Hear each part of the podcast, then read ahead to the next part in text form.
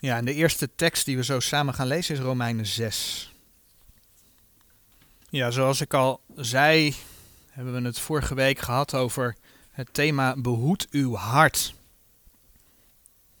En we zagen dat in ons hart ja, allerlei beslissingen genomen worden.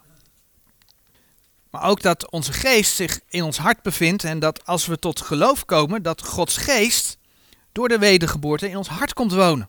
Allemaal wat de Bijbel aantoont. Maar doordat het hart van nature in het vlees ligt, zien we dat er ook in het hart een strijd is. Juist als je dus een kind van God bent, is er dan strijd in het hart. Een strijd die te maken heeft met het maken van keuze. Ja, en wat daar dan in meewerkt of tegenwerkt, zoals je wil zeggen, is dat we de Heilige Geest kunnen bedroeven. Dat we de Heilige Geest kunnen uitblussen. En als we dat doen, dan zien we dat, ja, dat, dat Gods woord ook laat zien dat we dan ruimte geven aan de duivel. En dat heeft dan weer invloed op keuze die we maken. En dat is dus wat we moeten proberen te voorkomen. En daarom hebben we ook bij onder andere Spreuken 4 vers 23 stilgestaan. Dat zegt behoed uw hart boven al wat te bewaren is. Want daaruit zijn de uitgangen des levens. We moeten ons hart behoeden, we moeten ons hart bewaken. We moeten bewaken wat erin wil. Sommige dingen moeten we toelaten in ons hart. Andere dingen moeten we juist weren. Maar we moeten ook bewaken wat eruit wil. Sommige dingen moeten we juist uiten. En andere dingen moeten we juist niet uiten.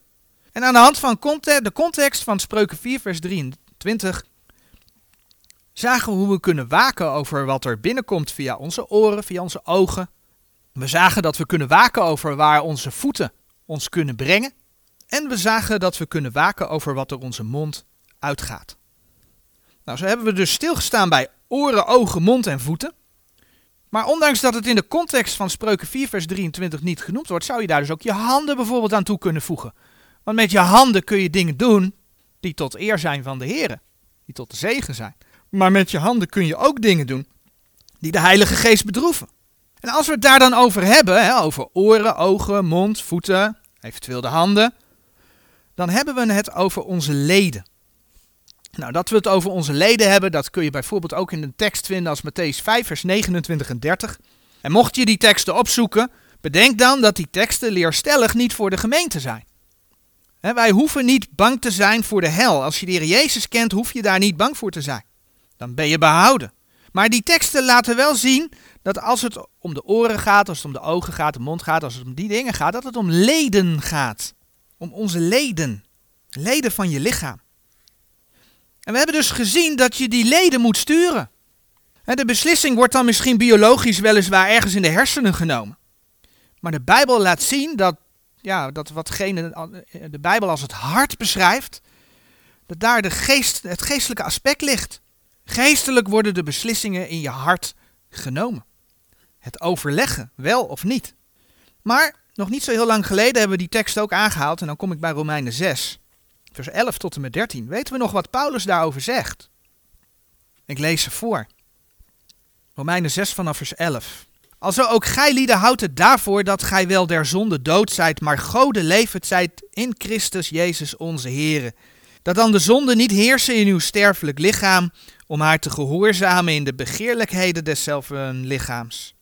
En stelt uw leden niet der zonde tot wapenen der ongerechtigheid, maar stelt u zelf goden als uit de doden levend geworden zijnde, en stelt uw leden goden tot wapenen der gerechtigheid. Zie je dat dat daar staat? Stelt uw leden goden tot wapenen der gerechtigheid. Dus gebruik je oren, je ogen, je mond, je voeten, je handen Gebruik ze tot eer van de Heer. Goden tot wapenen der gerechtigheid. En zie je dat het dus allemaal klopt met elkaar? De Heere vraagt van ons om dat op die manier te doen. En dan is dus de vraag aan ons: hoe gebruiken we onze leden? Hoe gebruik je je leden? Nou, en bij een van die leden willen we vandaag nog wat verder stilstaan. En dat betreft dus de mond. Het is alweer even geleden dat ik daar een gesprek ook over had. En dat gesprek dat ging onder andere over roddel. En eigenlijk kwam daar ook de vraag in naar voren, ja wat is dan eigenlijk roddel? Die vraag was niet helemaal letterlijk zo. Maar we willen dan nu wel daarbij stilstaan. Wat is eigenlijk roddel? Nou, het Bijbelse woord dat onze Statenbijbel daarvoor gebruikt, dat is achterklap. Wat is achterklap?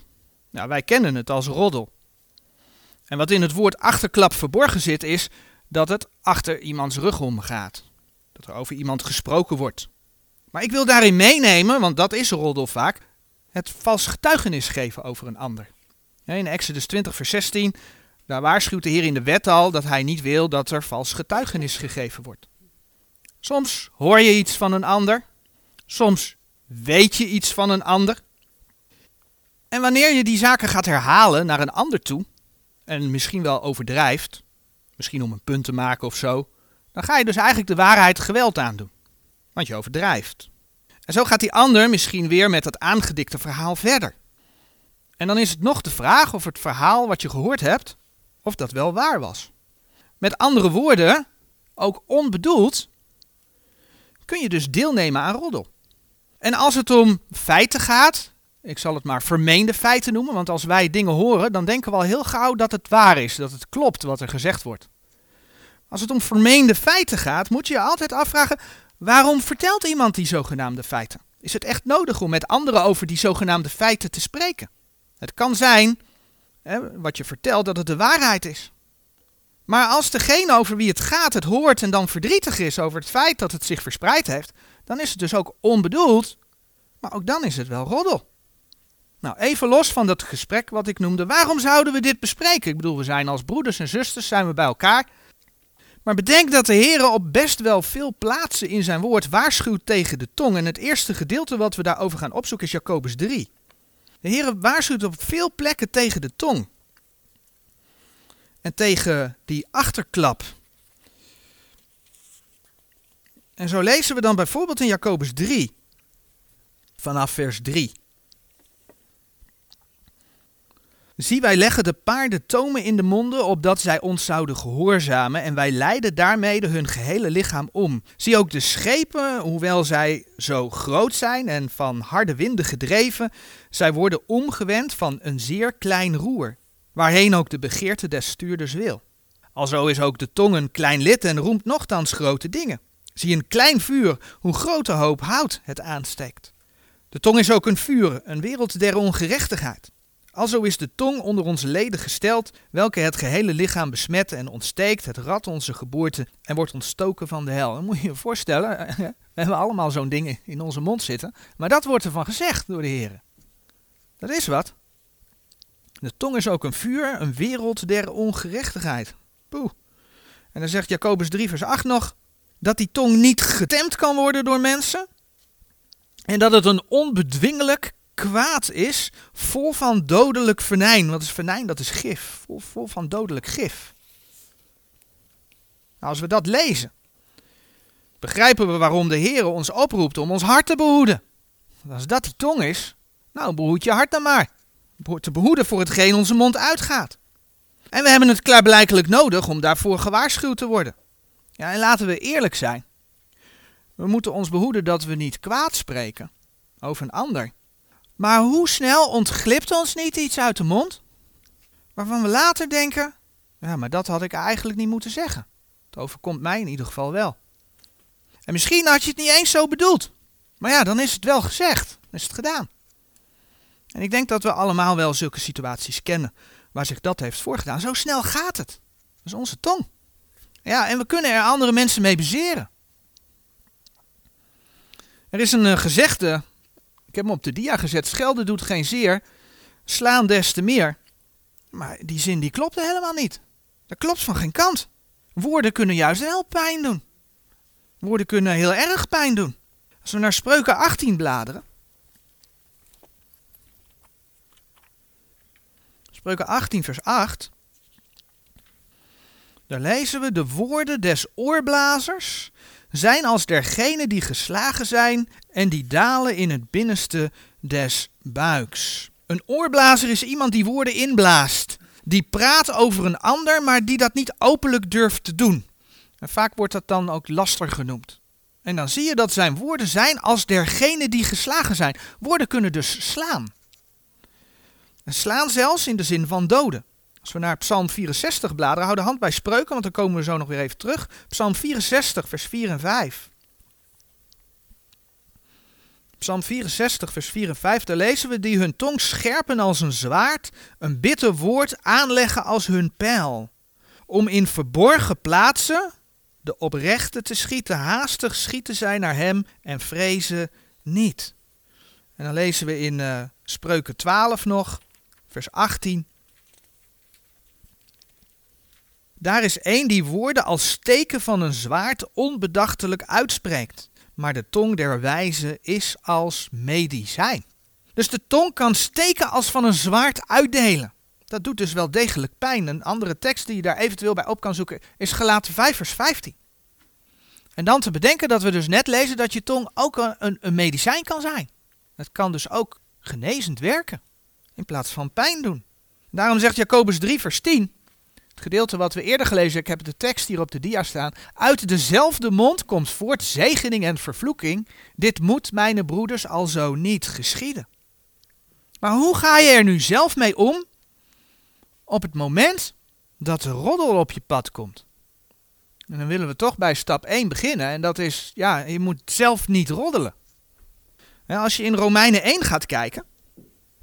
Romeinen 1 vers 28 tot en met 32 kijkt. Dan weet je hoe de Heere God naar roddel en naar kwaadsprekerij kijkt.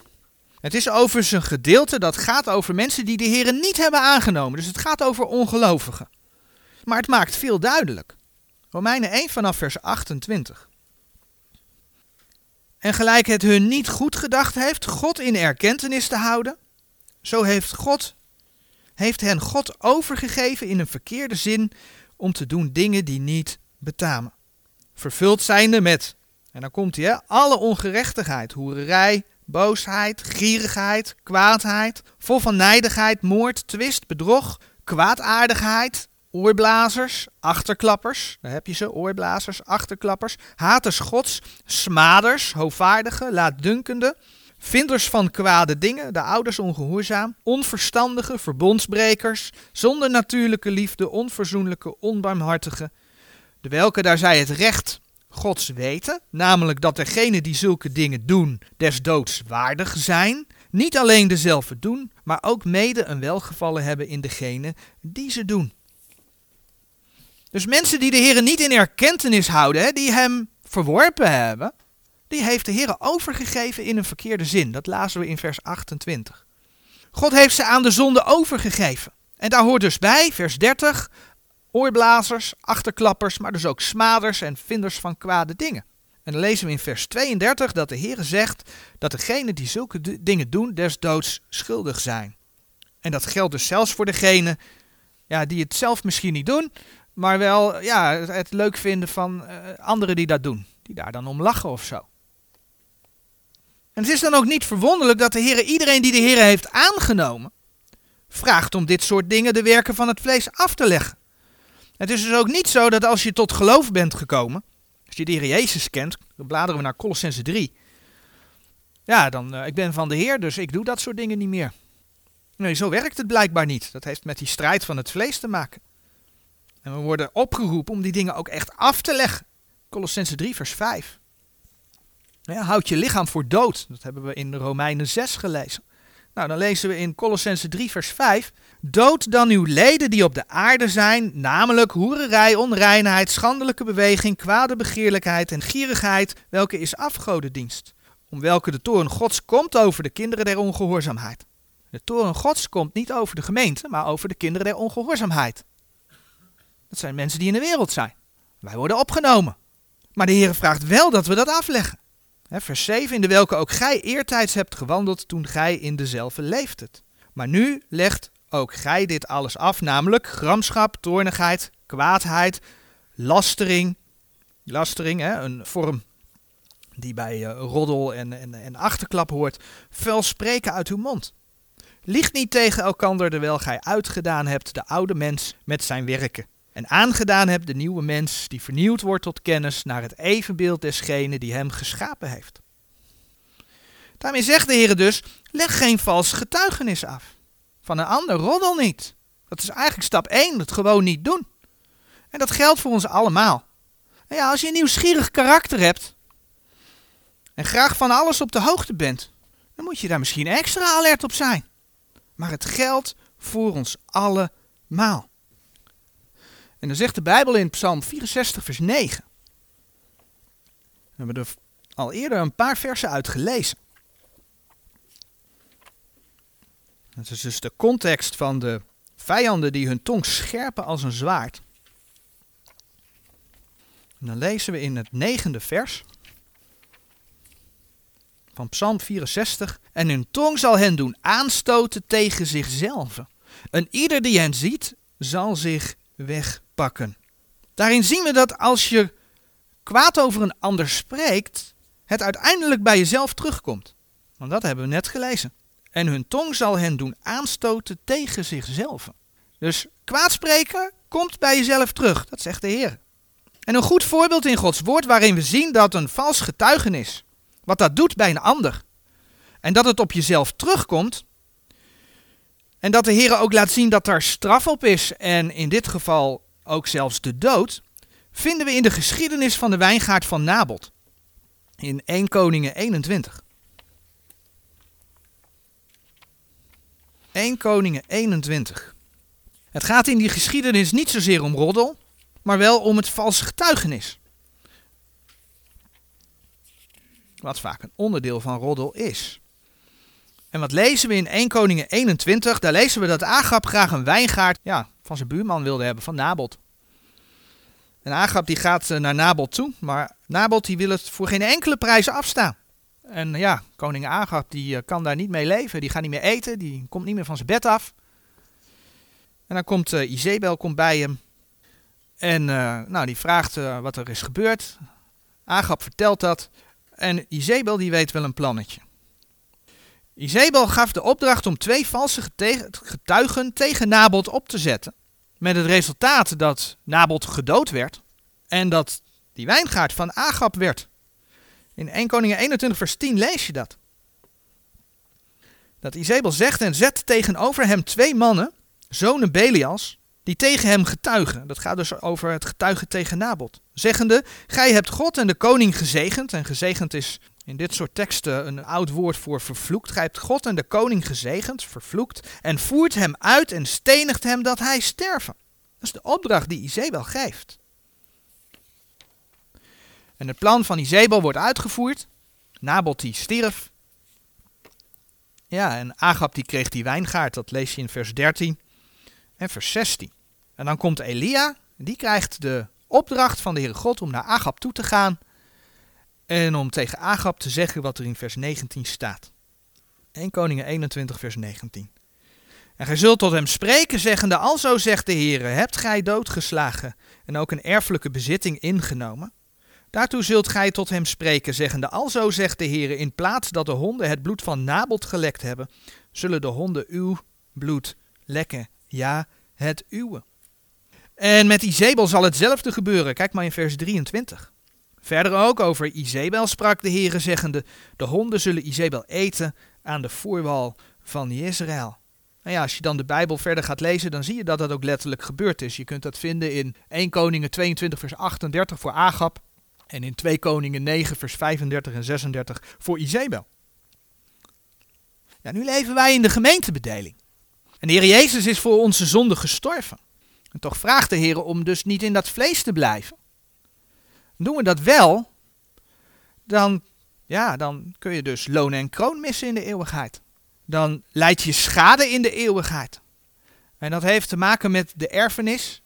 En dat kun je ook in Gelaten 5, vers 19 tot 21 vinden. Een tekst die nog wel eens gebruikt wordt om mensen weer twijfel in het geloof te geven. Maar als je die tekst gaat lezen, dan zie je niet dat daar staat dat de gelovige verloren gaat als die die dingen doet, maar wel dat dat consequenties heeft voor de erfenis in het koninkrijk. Duidelijk mag zijn in ieder geval dat de Heer zegt: leg geen vals getuigenis af en roddel niet. Maar wat als iemand je benadert, ja, en die begint te spreken over een ander? Nou, daar is de Bijbel ook heel duidelijk in, en dan bladeren we weer naar spreuken. Spreuken 20. De Bijbel zegt namelijk: luister niet. Luister er niet naar. Laat valse getuigenis en roddel je hart niet binnen. In Spreuken 20, vers 19, daar lezen we bijvoorbeeld: Die als een achterklapper wandelt, openbaart het heimelijke. Vermeng u dan niet met hem die met zijn lippen verlokt. Als je er niet naar luistert, als je het niet gehoord hebt, kun je daar geen eigen gedachten van gaan maken. Je kunt er niet over nadenken, want je hebt het niet gehoord. En je kunt het ook niet tegenover een ander herhalen. Ook niet per ongeluk bijvoorbeeld. Nou ja, stel je neemt voor om het niet te vertellen, maar er ontstaat een gesprek en. Oeps, je wist iets wat je misschien niet moest weten en je herhaalt het. Dus dan kan het ook niet per ongeluk gebeuren als je er niet naar luistert. En in Romeinen 1 vers 32 hebben we gezien dat degene die het allemaal wel mooi vindt, in de ogen van de Heer net zo schuldig is. Dus leen je oren er niet voor en ga er niet in mee. Als iemand tegenover jou over een ander begint, is de beste vraag die je kunt stellen: heb je er al met de persoon zelf over gesproken? Het allerbeste kun je daar je verhaal halen. Dan ben je open. En misschien kom je erachter, je, je roddelt niet. Misschien kom je erachter dat het verhaal wat men vertelt niet eens waar is. Dus doe het zelf niet en ga er niet in mee. Doe je het wel, dan maak je het probleem alleen maar groter. We zagen in Jacobus 3, vers 5 en 6, dat de tong een vuur is. En dat een klein vuur een grote hoop hout aansteekt, in brand steekt. Hoe krijg je dat vuur uit? Door het geen voedingsbodem meer te geven. Door het geen nieuw hout te geven. Nou, in Spreuken 26, daar lees je dan ook. Spreuken 26, vers 20. Als er geen hout is, gaat het vuur uit. En als er geen oorblazer is, wordt het gekijf gestild. Dus als je niet roddelt, ja, dan ontstaat die brand niet. Er is geen hout. En als het gebeurt, je komt het tegen, leen je oor er niet voor, dan geef je het ook geen voedingsbodem. Dan haal je het hout weg, kan het niet branden. En gaat men dan door, dan kun je streng zijn. En dan kun je zeggen dat roddel zonde is in ogen van de Heer. In Spreuken 25, hoofdstuk ervoor, vers 23, daar staat geschreven. De noordenwind verdrijft de regen en een vergramd, hè, een boos aangezicht, de verborgen tong. Dus een boos, een vergramd aangezicht verdrijft de verborgen, de verborgen tong. Mensen willen niet horen dat je niet mag roddelen. Of dat het verkeerd is. Dat willen ze niet horen. Dus als je ze daarmee confronteert, dan zullen ze jou niet zo heel snel meer benaderen in een roddel. Want dat willen ze niet horen. Dus geef ze geen hout. Ja, en dan zijn er situaties dat je erachter komt dat er over jou geroddeld wordt. Ja, en of het nu waar is of niet, het beste wat je dan kunt doen, is laat het maar gaan. Als je er namelijk wel op ingaat, dan heb je kans dat men denkt: oh, zie je wel, hij probeert zichzelf goed te praten. Dat is één. Maar de kans is ook. Hè, je hebt bijvoorbeeld niets gedaan en de roddel is niet waar. Maar de kans is er dan dat je, je goed gaat praten, maar dat je het verhaal ook aandikt. Want je wil heel graag bewijzen dat je dat niet gedaan hebt. Maar als jij het verhaal gaat aandikken, ben je ook niet oprecht bezig. Dus laat het maar gaan. Maar dat is wel heel moeilijk. Dat, dat is echt moeilijk. En dan zegt 1 Petrus 2, vers 15. We hebben laatst gesproken over dingen waar we mee door moeten gaan. Een van de dingen was goed doen. Nou, hier lezen we dat eigenlijk opnieuw. Want alzo, 1 Petrus 2, vers 15. Want alzo is het de wil van God dat gij weldoende de mond stopt aan de onwetendheid der dwaze mensen. En dan gaat vers 20 gaat als volgt verder. Want wat lof is het? Indien gij verdraagt als gij zondigt en daarover geslagen wordt, maar indien gij verdraagt als gij wel doet, je hebt niks fout gedaan, ja, er wordt wel over jou geroddeld. Maar als gij wel doet en daarover lijdt, dat is genade bij God. Want hiertoe zijt gij geroepen, terwijl ook Christus voor ons geleden heeft, ons een voorbeeld nalatende, opdat gij zijn voetstappen zoudt navolgen. Die geen zonde gedaan heeft, en er is geen bedrog in zijn mond gevonden. Die als hij gescholden werd, niet wederschold. En als hij leed, niet dreigde, maar gaf het over aan dien die rechtvaardig oordeelt. En dat is eigenlijk wat je moet proberen, het aan de Heer over te geven. Ga er niet op in. Laat de Heer voor je zorgen en je problemen oplossen. Want uiteindelijk, vroeg of laat, zal de waarheid aan het licht komen. En zullen mensen zien dat jij niet verkeerd bent geweest. En als we dan aan Psalm 64, vers 9 terugdenken, dan keert het zich tegen de roddelaars. Die waarheid komt een keer aan het licht. En ik wil afsluiten met een voorbeeld. in 2 Korinthe 12. 2 Korinthe 12. Een voorbeeld van Paulus in vers 20 en 21. Want ik vrees dat als ik gekomen zal zijn, ik u niet enigszins zal vinden, zodanig als ik wil. En dat ik van u zal gevonden worden, zodanig als gij niet wilt. Dat er niet enigszins zijn twisten, nijdigheden, toren, gekijf, achterklap, oorblazingen, opgeblazenheden, beroerte. Opdat wederom, als ik zal gekomen zijn, mijn God mij niet vernederen bij u, en ik rouw hebben over velen die tevoren gezondigd hebben, en die zich niet bekeerd zullen hebben van de onreinheid en hoererij en ontuchtigheid die zij gedaan hebben. De apostel Paulus had dus grote zorgen over de gemeente van Korinthe. Een gemeente dat een, dat een, ja, een vleeselijke gemeente was. Dat kun je onder andere in 1 Korinthe 3 vers 1 zien. En Paulus schrijft in die verse dat hij bang is dat hij weer komt, dat hij ze weer in de zonde van hun vlees zal treffen.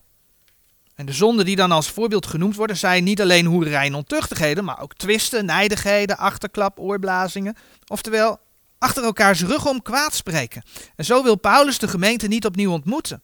En hij zegt, als ik dan kom, willen jullie mij liever ook niet ontmoeten. Maar dat kunnen we dus ook toepassen op de Heer Jezus en op de opname van de gemeente. En de laatste twee diensten hebben we afgesloten met een lied waar het koor zegt, als het bazuingeschal des Heren wordt gehoord, zijt gij dan voor zijn komst bereid. En zoals ook toen aangegeven, je komt als kind van God weliswaar niet voor de grote witte troon van het laatste oordeel, maar wel voor de rechterstoel van Christus. Daar zul je wegdragen, het geen goed is, het geen kwaad is. 2 Korinthe 5 vers 10. Of zoals Romeinen 14 vers 12 zegt. Romeinen 14 vers 12. Zo dan een iegelijk van ons zal voor zichzelf een rekenschap geven. Dus ook in het kader van dit onderwerp, hoe je je tong gebruikt hebt en hoe je je tong gebruikt, moet je jezelf de vraag stellen: kun je de Heer Jezus nu ontmoeten als Hij nu komt? En die vraag moet je je elke keer weer stellen. Kan ik, wil ik de Heer zo ontmoeten als ik nu ben? En dat geldt natuurlijk niet alleen voor de mond, dat geldt voor heel veel dingen. En kan ik de Heer niet ontmoeten op dit moment? Dan heb ik dus nu nog de tijd om het te veranderen. als er situaties zijn geweest waarvan je weet, ben ik fout geweest, beleid het. 1 Johannes 1 vers 9. De Heer doet alle ongerechtigheden weg, beleid het. Heb ik iemand gekwetst, beleid het ook naar die ander toe. Maak het in orde. Om terug te komen bij het onderwerp van vorige week. Behoed uw hart. Vraag de Heer een wacht voor je mond. Psalm 141 vers 3 zegt het letterlijk. Heere, zet een wacht voor mijn mond. Behoed de deur mijner lippen. Dat mag een gebed zijn. Heere, zet een wacht voor mijn mond. Behoed de deur mijner lippen. En verlang naar het woord des Heren. In 1 Petrus uh, eh, 2, vers 1 tot en met 3. Daar lezen we. Zo leg dan af alle kwaadheid en alle bedrog en geveinsdheid en nijdigheid en alle achterklappingen. Hè, daar hebben we het weer, legt af. En dan vers 2. En als nieuwgeboren kinderkes zijt zeer begeerig naar de redelijke onvervalste melk, opdat gij door dezelfde moogt opwassen indien gij anders gesmaakt hebt dat de Heere goedertieren is. We mogen dus verlangen naar Gods woord. En als je spreekt, Colossense 3 vers 17, dat is de laatste tekst die we opzoeken. Colossense 3 vers 17. Spreek je woorden uit in de naam van de Heer Jezus. Dat is eigenlijk wat de Heer zegt in zijn woord. Colossense 3 vers 17. En al wat gij doet met woorden, of met werken, doet het alles in de naam van de Heer Jezus, dankende God en de Vader door Hem. En als je spreekt, kun je daar dan bij denken in de naam van de Heer Jezus? Of krijg ik dan zo'n rood hoofd omdat ik de mist in ga? Kan ik in de naam van de Heer Jezus spreken? Want dat is eigenlijk wat de Heer als, als opdracht geeft. Al wat gij doet met woorden of met werken, doet het alles in de naam van de Heer Jezus, dankende God en de Vader door hem. Doet alles, zegt 1 Korinthe 10 vers 31, tot eer van de Heer. Doet alles tot eer van de Heer, alles, dus ook het spreken. Doet alles tot eer van hem. Amen.